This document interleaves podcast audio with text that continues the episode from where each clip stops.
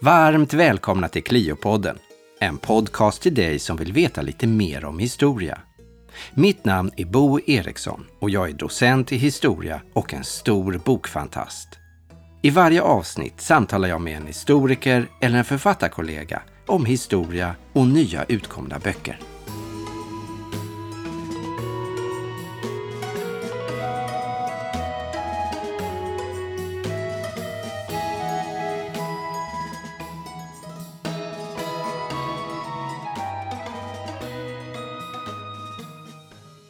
Marcus Ehrenpreis var överrabbin i den judiska församlingen i Stockholm 1914 till 1948. Tack vare sin lärda bakgrund och verksamhet i Kroatien och Bulgarien och sitt stora engagemang på sionistkongresserna räknas han som en av tidens största och mest ansedda judiska tänkare. Om denne Ehrenpreis och om den judiska värld som gick förlorad med Förintelsen handlar Göran Rosenbergs nya bok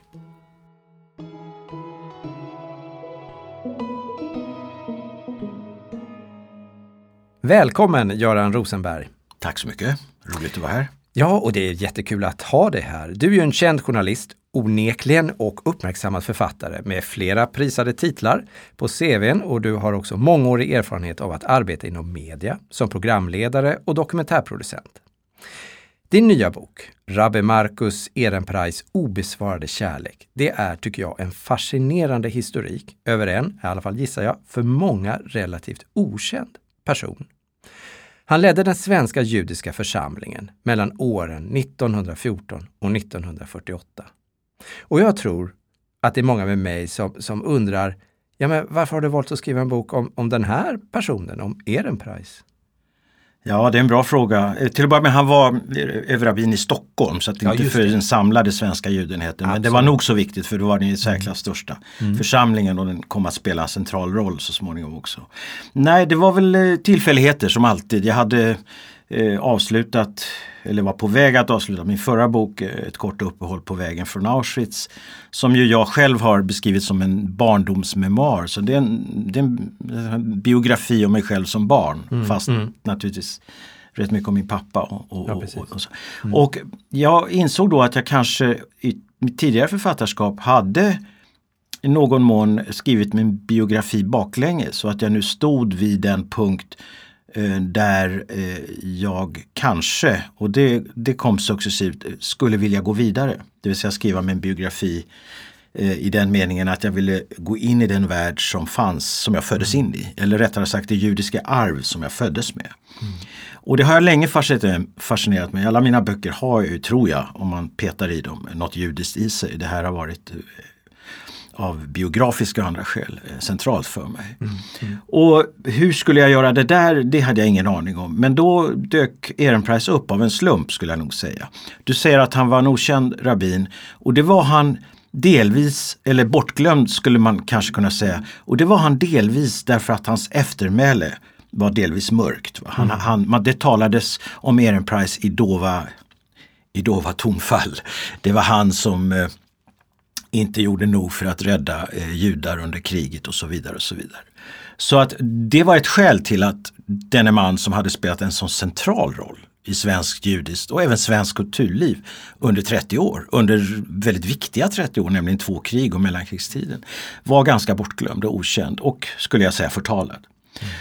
Och så, men det var inte min avsikt att upprätta honom för jag visste inte riktigt vad jag skulle göra. Men så hade jag av en slump då också fått av en vän i gåva eh, de samlade inbundna årgångarna av en tidskrift som heter Judisk tidskrift.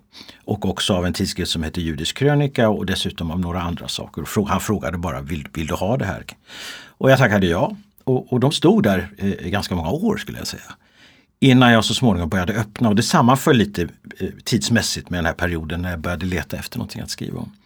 Då började jag öppna de här tidskrifterna och det var Judisk tidskrift. Och det var den tidskrift som Marcus Ehrenpreis hade grundat 1928. Mm. Och vad som där öppnade sig var ett fantastiskt judiskt universum och jag kände att det här är oemotståndligt för mig att forska vidare i. Så började det ungefär mm. kan man säga. Mm. Och jag tycker din bok också är en, en slags intellektuell men också känslomässig brottningsmatch med huvudpersonen. Alltså i, först när jag började med boken så tänkte jag så här, det här är en biografi. Men sen kände jag när jag läste ett tag att det är mer än en biografi. Det finns också ett sökande efter en förståelse för vem han var, vad han förlorade, vad han åstadkom. Och inte det här som du sa inledningsvis att du tänkte att du skulle göra en upprättelse. Men sen kommer du ju in i slutet av boken på att, att han Ja, det, det var inte tanken från början. Nej, det var nej. inte ens tanken. Eh, tanken från början var nog att det skulle bli en brottning med mitt judiska arv. Ja, sagt. Jag, jag, mm. Väldigt rakt på sak. Jag sökte efter någonting i, i det judiska. Mm. Som jag kunde känna närhet till och som jag tror skriver någonstans kanske rent av älska. Mm. Därför att så ser jag på mitt judiska arv, att det är ingenting jag kan gå ifrån. Det är ingenting jag kan säga, nej det här vill jag inte ha. Eh, jag vill släppa judendom. Det gick inte efter förintelsen och kriget och med min bakgrund. Det fanns inte en möjlighet. Utan jag måste närma mig judendomen, så kände mm. jag. Med att se vad där fanns.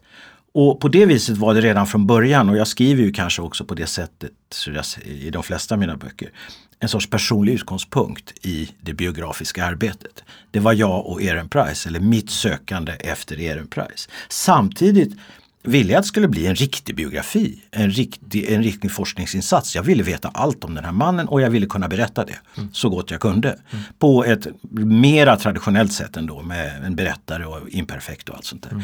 Men som du säkert noterar så är, finns det en prolog och en epilog som ramar in det här. Och de är mera personliga. Mm. Och där ser jag en utveckling där också som är intressant att i epilogen är du mer kritisk mot honom än vad du är i inledningen. Men, men det, kan, det får läsaren själv också upptäcka, man behöver inte avslöja alla små, små saker och varför du är mer kritisk i slutet än, än vad du är i början. I alla fall har jag läst ja, det. Ja, det, jag känner inte så, men visst, visst det är Nej, läsaren som bestämmer. Mm, I början är du, är du väldigt artig mot honom och du, och du, du ger honom stort utrymme. Du, den är ju skriven i du-form. Alltså du, ja, de här epilogen och prologen är ja, skriven ja, i du vänder dig direkt till honom och talar till honom. Ja. Men sen blir det ju mer klassiskt att du skriver i tredje person.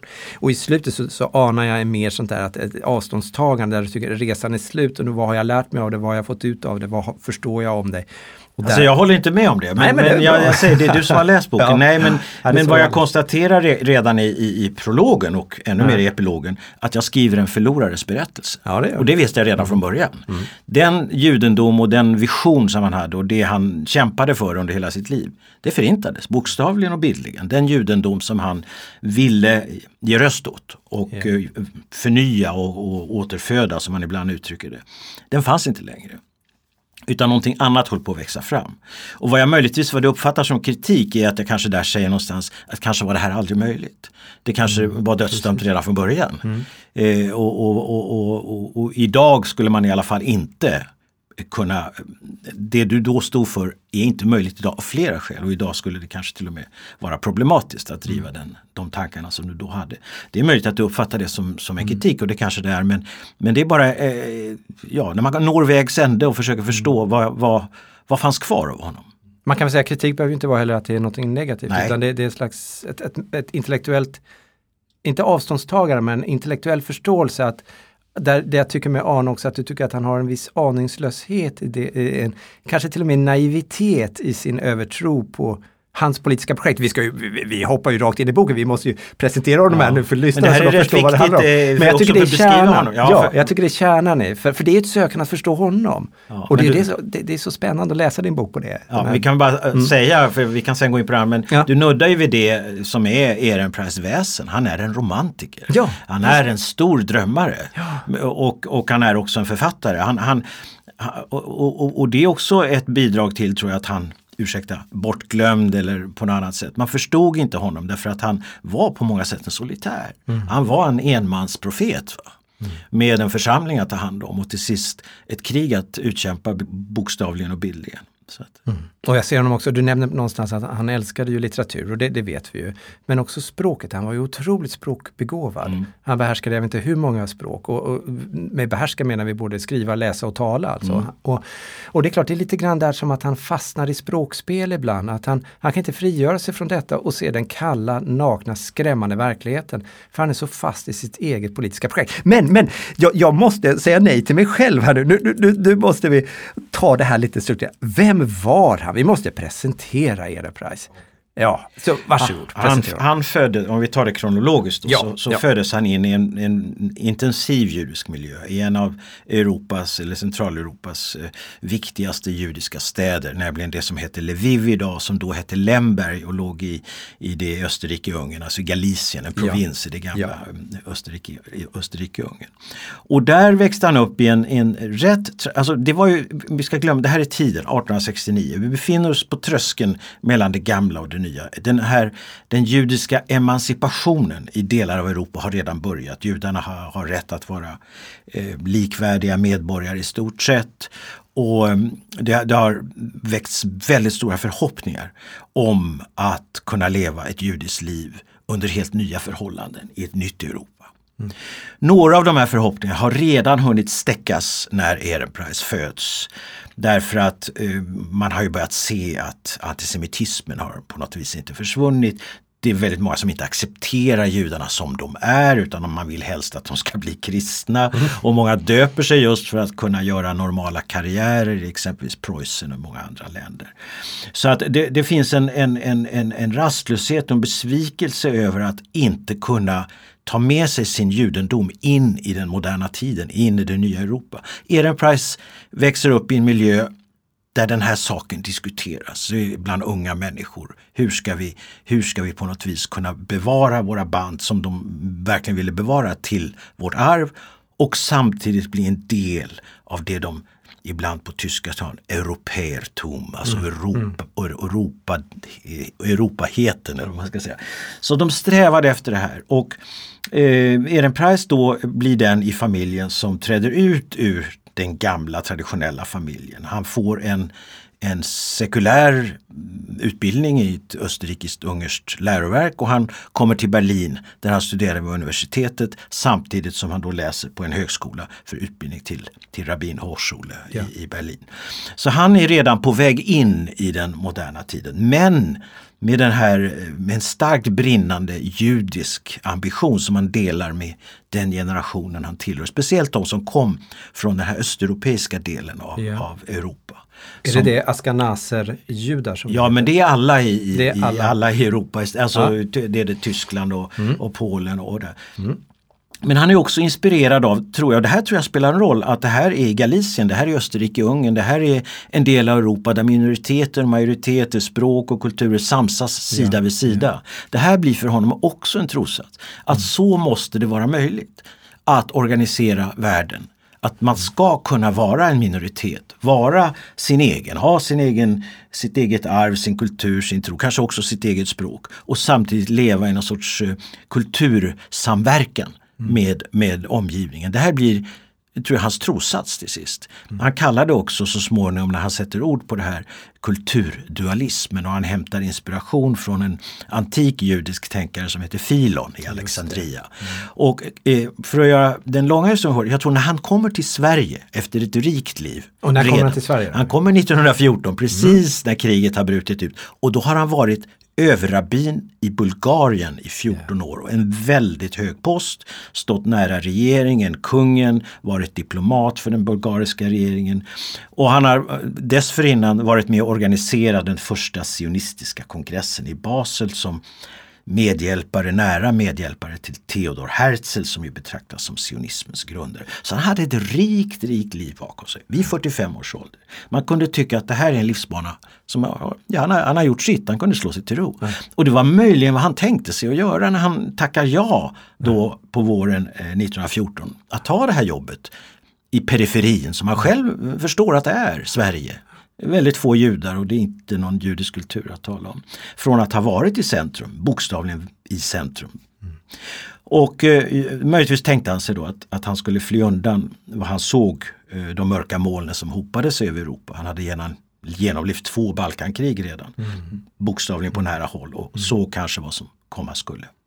Men Sverige blir ju arenan där han plötsligt tänker sig att här ska jag förverkliga mitt ideal om den här kulturdualismen. Jag ska bygga en bro mellan judendomen, som jag ser den, och det omgivande svenska samhället. Det blir hans projekt. Ja. Och den, den där, det där projektet släpper han aldrig, aldrig, vare sig i Sverige eller för Europa. Inte ens när vi går in i de mörka tiderna på 30-talet och, och andra världskriget. Han är ju obrottsligt trogen sin dröm om en, kan jag kalla den för kulturell eh, sionism. Ja, det, det ja, ja, det är så man säger, ja. kultursionism, absolut. Ja. Sionismen för honom, det vill säga den rörelse som vill upprätta ett judiskt nationalhem eller någonting ja. i Palestina. Det var för honom ett medel, inte ett mål. Det var ett medel till judendomens förnyelse andligt och kulturellt i hela världen. Alltså i diasporan eller i exilen som en del säger. För det ansåg han vara eh, det som, som var särpräglat för det judiska, den judiska existensen. Att vara ett folk mitt ibland folken som det yeah. står i Bibeln.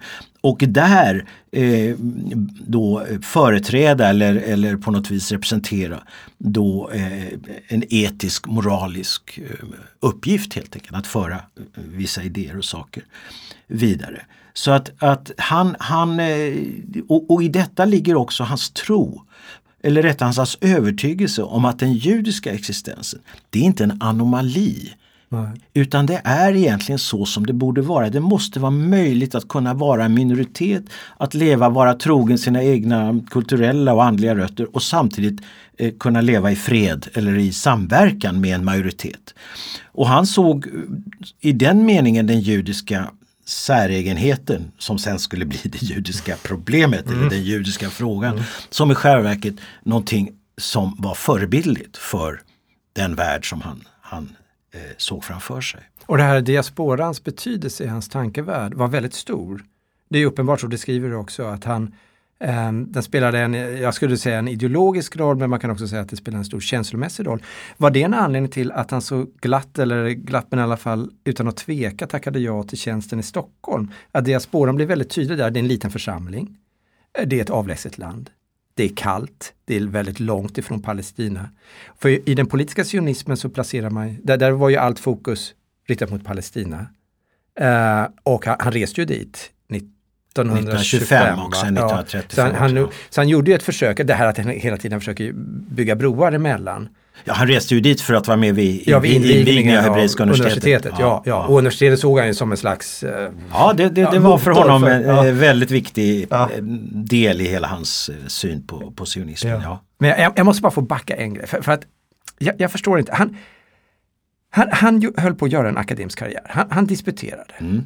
och han var nygift. Mm. Men ändå väljer han att satsa på predikaren, att bli ordets man den där brytpunkten i hans liv, det börjar ju när han är 28 år egentligen. När han redan är utsedd till, till rabbin, eller hur? Men Nej. den här tiden innan, vad är det som driver Nej, han? Blir, han blir rabbin redan eh, 90, 96. Okay, ja, då är han, i och för sig, ja. du har rätt, han är ja. 27-28 år. Ja. Nej men eh, han, ser, han väljer rabbinkallet. Varför? Vad är det som driver honom? Ja, det försöker han ju beskriva eh, ja. på något sätt för han har ju en viss håg både till forskning och till litteraturen och det säger Precis. han tydligt. Och han eh, disputerar ju visserligen på ett mycket judiskt ämne, nämligen kabbalan. Mm. men han har för avsikt att fortsätta egentligen att forska. Så att han sitter i Rom i Vatikanbiblioteket biblioteket och har börjat forska för fortsättningen på sina studier. Och, och hade, eh, hade ödet venat annorlunda så kanske vi hade haft en kabbalaforskare i Marcus ja, Ehrenpreis ja, istället. Ja. Men, men eh, jag tror att det var mycket sociala omständigheter. Han blev kär, eh, gifte sig, fick den här tjänsten. För han hade redan utexaminerat som rabbin i Berlin också vid sidan av den akademiska. Mm. Mm. Och då tog han den här tjänsten, behövde ett jobb, behövde försörja sig, en ganska liten stad i, i det som idag är Kroatien.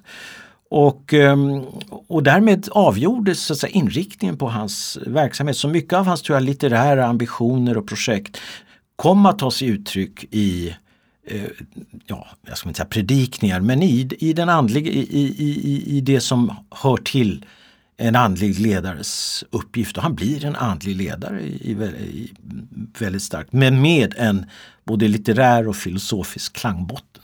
Och, och, hans predikningar i, i Stockholm lockar ju inte bara judar utan även andra. Så att han var ju en erkänd god talare. Ja, han hade ju också söndagspredikningar i Norrköping. I Norrköping finns en vacker ja, liten ja. synagoga och där eh, predikade han regelbundet på söndagar då. Ja. Och dit kom omvittnat ibland fler eller kanske alltid fler icke-judar än judar och lyssnade på honom. Nej, han var en fantastisk talare. Mm. Och, och det, var, alltså läs, och det var ju det som gjorde att jag till sist greps av det här, det här projektet. För att att läsa honom och han lämnar ju så mycket text efter sig så för väldigt mycket av de här predikningarna skrevs ner. Han extemporerade men någon stenograferade och det sen skrevs sen ner och trycktes. Det var, det var en inblick i en judisk tänkares liv på ett sätt som jag tror man väldigt få som hos väldigt få man kan få det eftersom han regelmässigt veckovis mm. eh, talade och uttalade sig. Och sen började han naturligtvis skriva på riktigt och han blir ju en svensk författare. Alltså, ja. Det är det första språk han blir författare på. Det är svenska. Han debuterar på svenska Han debuterar som, som, som bokförfattare ja, på svenska. Bokförfattare. Och det gör han 1926. Mm. Till enorma, till, han får ju ett enormt mottagande. Ja. Och, och väcker sensation. Ja. Just för sitt språk inte minst. Mm. Mm. Och jämförs med Josef Konrad just för att han då ses som en som har börjat skriva på ett nytt språk och gör det på så fantastiskt sätt. Mm. Så att eh, hans, hans, hans personlighet är hela tiden en sorts korsning mellan predikanten, profeten, författaren, politikern, diplomaten. Jag, jag menar allt, alla de här ingredienserna finns hos honom. Han är en personlighet som är, är ganska svår att omfatta ja. egentligen. Ja. Och svår att förstå tror jag för ganska många ja. kring honom. Ja det tror jag också. Och vi, vi ska alldeles snart komma in också på hur hans roller utökas och utsätts för extremt tryck under 30-talets slut och sen in på hemskheten under andra världskriget. Mm. Men allra först så skulle vi jättegärna vilja höra dig läsa eh, ett parti ur din bok. Ja, tack. Ja, ja jag läs, ska läsa början på boken helt enkelt. Ja, men gör det. Ja, mm. så blir det. Mm.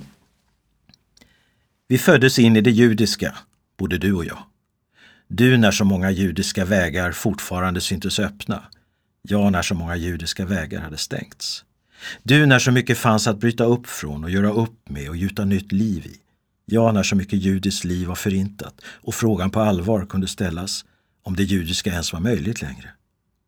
Det judiska hade det svårt redan när du föddes in i det, det vet ju du om någon.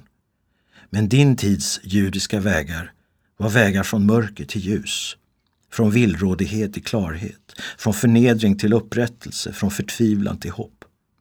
Eller för att tala med ditt språk, från judendomens pånyttfödelse till världens förlossning. Vilket är en mycket judisk väg onekligen.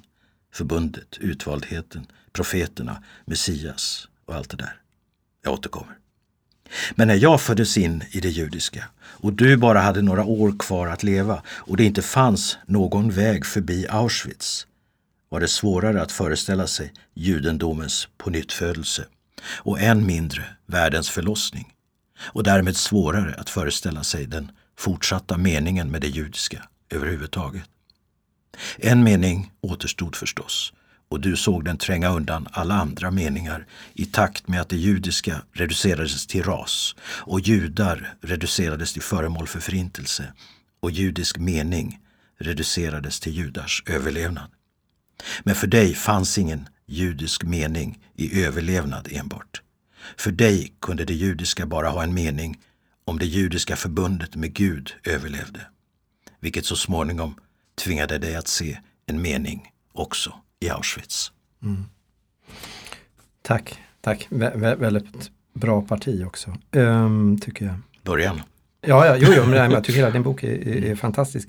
Mm. Uh, och, och, du ligger också väldigt nära honom hela tiden när du beskriver, samtidigt som du höjer blicken emellanåt och visar hur den här den gamla världen också förändras och går mot det oundvikliga, det som vi alla vet ska, skall komma.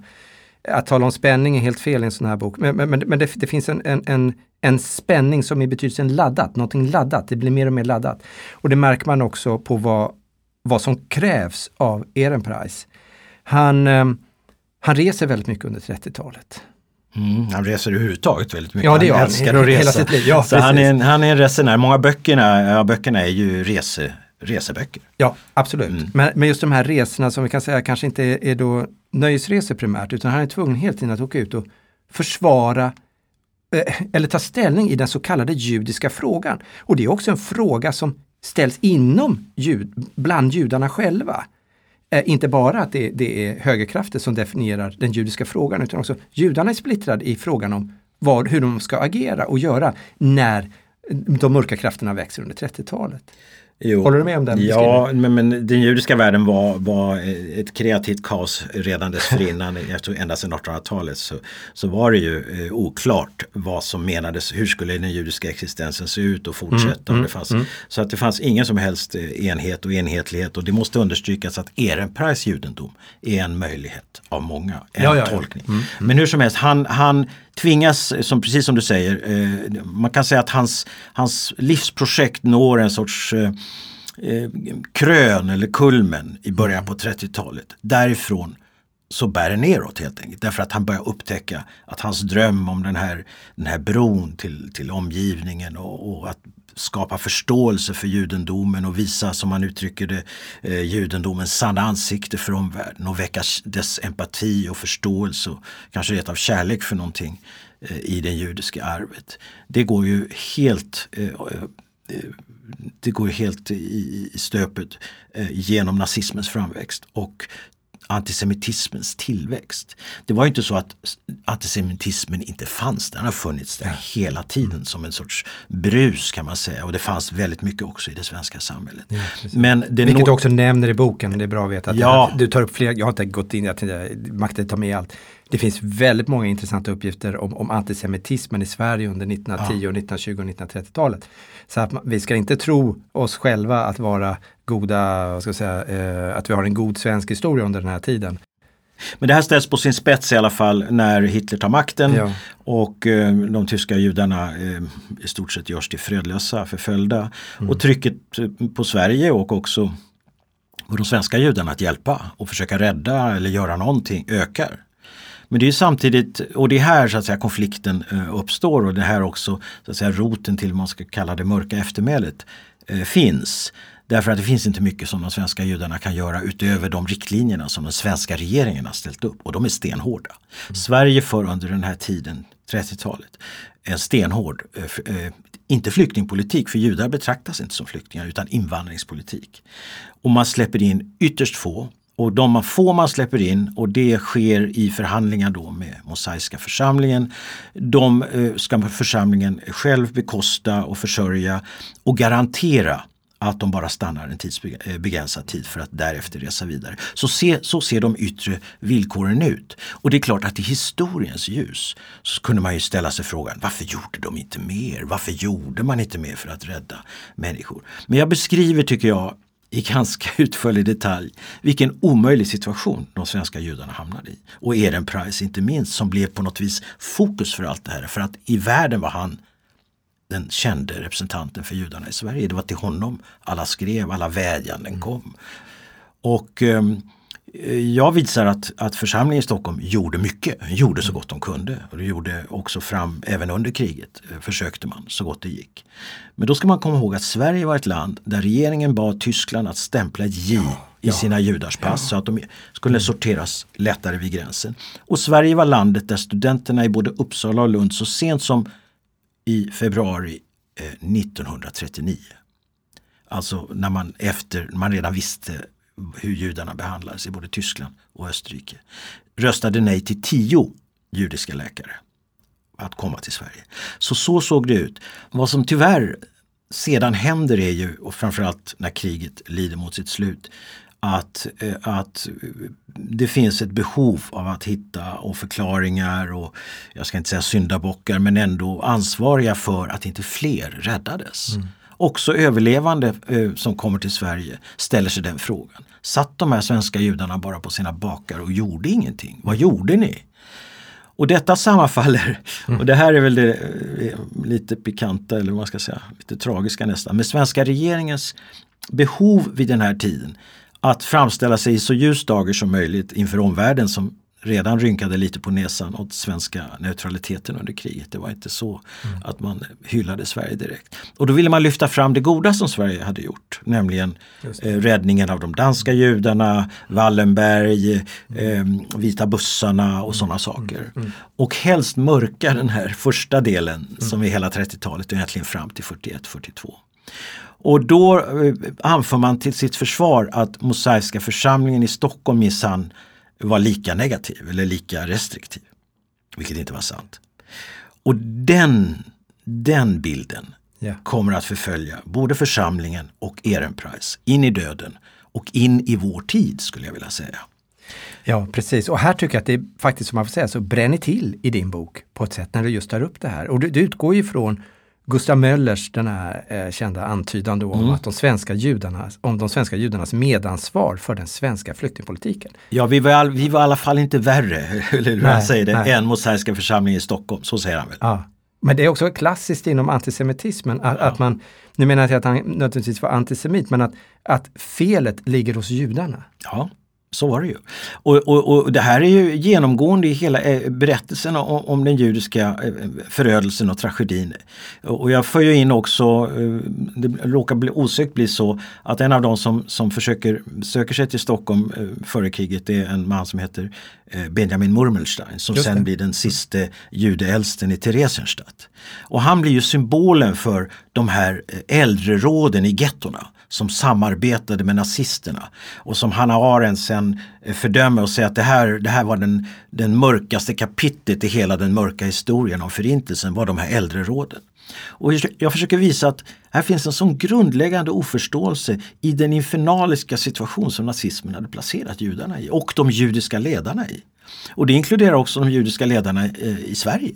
Mm. Därför att här fanns eh, en antisemitisk grundton i hela Europa på den här tiden.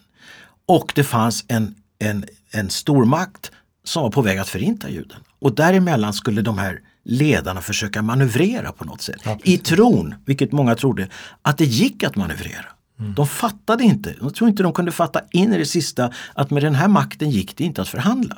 De, mm. ville, de var ute efter att döda allihopa. Mm. Och, och jag tycker att jag inte bara upprätta Ehrenpreis, för det tycker jag att jag gör, utan jag vill också upprätta de andra judiska ledarna i Europa och visa på vilken situation, vilket infernaliskt moraliskt helvete de hade försatt sig i. Mm.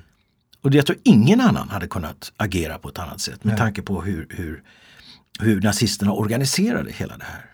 Nej, precis. För, för jag tycker att du, du ställer, en, ställer väldigt många viktiga frågor i din bok. Så att det, det, det, är inte så. Men här är det en särskilt viktig fråga som, som har med det här att göra. Där, där du skriver så här, jag citerar här.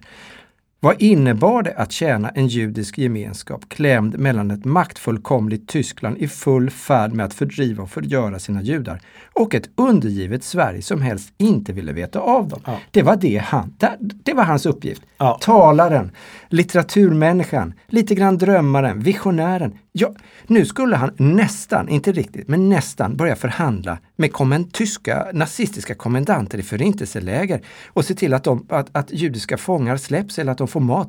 Alltså det här, hur skulle han kunna göra det? Ja, det var ju inte det som han, han eh, men han, han, han var ju tvungen att, eh, de, Mosaiska församlingen och Ehrenpreis gjorde bedömningen att så här såg eh, situationen ut att Sverige var berett att ta emot ytterst få och det mm. var kvoter för dem, nu talar vi 30-tal fram till kriget. Och de kvoterna bestämde regeringen. Mm. Sen hade för, och, och, och, reglerna för vilka som skulle tas emot i de här kvoterna, de var stenhårda. Det var människor som var, hade försörjningen garanterad, vi, eh, vidare resa i princip eh, inom en viss tid eh, garanterad av församlingen. Och jag tror församlingen gick då med på att föreslå namn, och de fick man från Tyskland i regel, man samarbetade nära med de tyska judiska organisationerna, vilka som skulle föreslås ingå i de här kvoterna. Mm. Det här har sedan vänts till att att, eh, att församlingen satt och, och valde vilka som eh, fick komma in och inte komma in som om man på något vis kunde påverka också hur många som fick komma. Man trodde att man därigenom på något vis ökade chansen att de som valdes ut också fick komma in. Så var deras mm. kalkyl. Mm. Och, och, eh, och jag tror också man kan säga samma sak med, med många av de äldreråden, eh, de här som naturligtvis mycket, mycket mer fasansfull, det handlar om liv och död direkt. Tänkte sig att ja, vi förhandlar med nazisterna, eh, vi kommer att offra, några kommer att offras, men vi kanske räddar fler än om vi inte gör någonting. Så mm. tänkte de. Mm. Man kan tycka i efterhand det var fasansfullt, ni skulle bara ha lagt ner och, och gett upp. Mm. Men jag tycker inte vi har den moraliska rätten mm. att sitta i efterhand Nej. och säga det här. Och jag säger ju för att provocera lite att jag lever förmodligen, jag finns förmodligen ja. tack vare den kanske mest eh, förhånade av dem alla, nämligen Chaim Rumkowski i gettot i, i Lodz där mina föräldrar eller föräldrar, blivande föräldrar satt. Det gettot stod kvar till augusti 1944 medan alla andra var likviderade och alla döda i princip. Mm.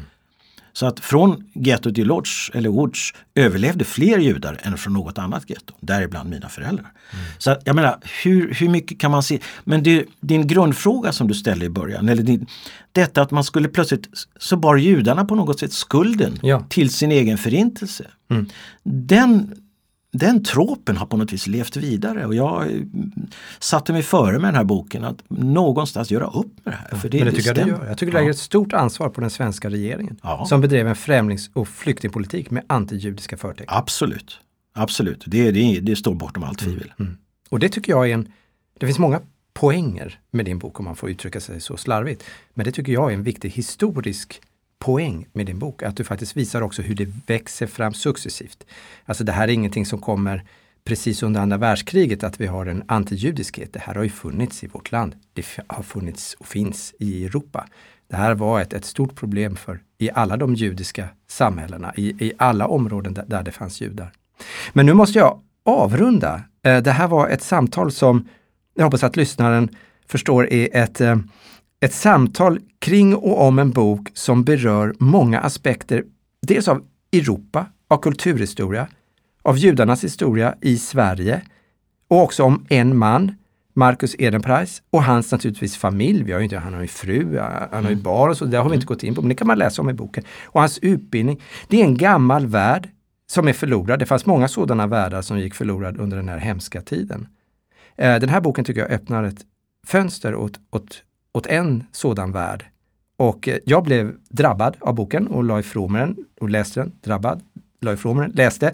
Tyckte om den här intellektuella brottningsmatch som jag uppfattade som att, att du för. Där du tilltar honom både som vän och själsfrände men samtidigt blir du lite så här Ja, men tänkte du inte lite fel? Eller var du inte lite väl naiv? Jag tycker inte jag förmanar honom, men jag, mm. du har rätt i att jag, jag eh, så småningom eh, tar mig friheten att bedöma så att säga eh, verklighetsförankringen i, ja. i, i, något av det han, han gjorde. Mm. Men samtidigt måste jag också säga att i grunden sympatiserar jag med Ehrenpreis låt oss kalla det galna utopiska vision. Därför jag kan inte se hur vi kan organisera en värld på ett annat sätt än att vi hittar någon metod där minoriteter och majoriteter, lammen sover med vargen som, som han älskade att säga. Det var hans stora projekt. Han var ju en stor ekumeniker också. Han såg ju religionernas världsförbund. Han såg ju religionen som en väldigt viktig faktor, eller det andliga.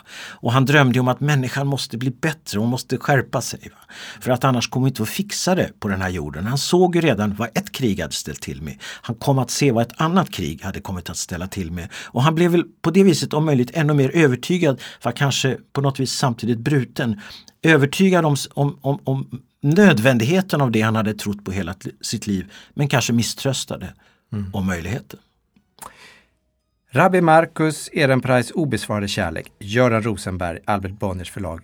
Stort tack för att du ville komma hit och gästa vår podd, Cliopodden. Tack. tack. Tack för att jag fick komma. Tack.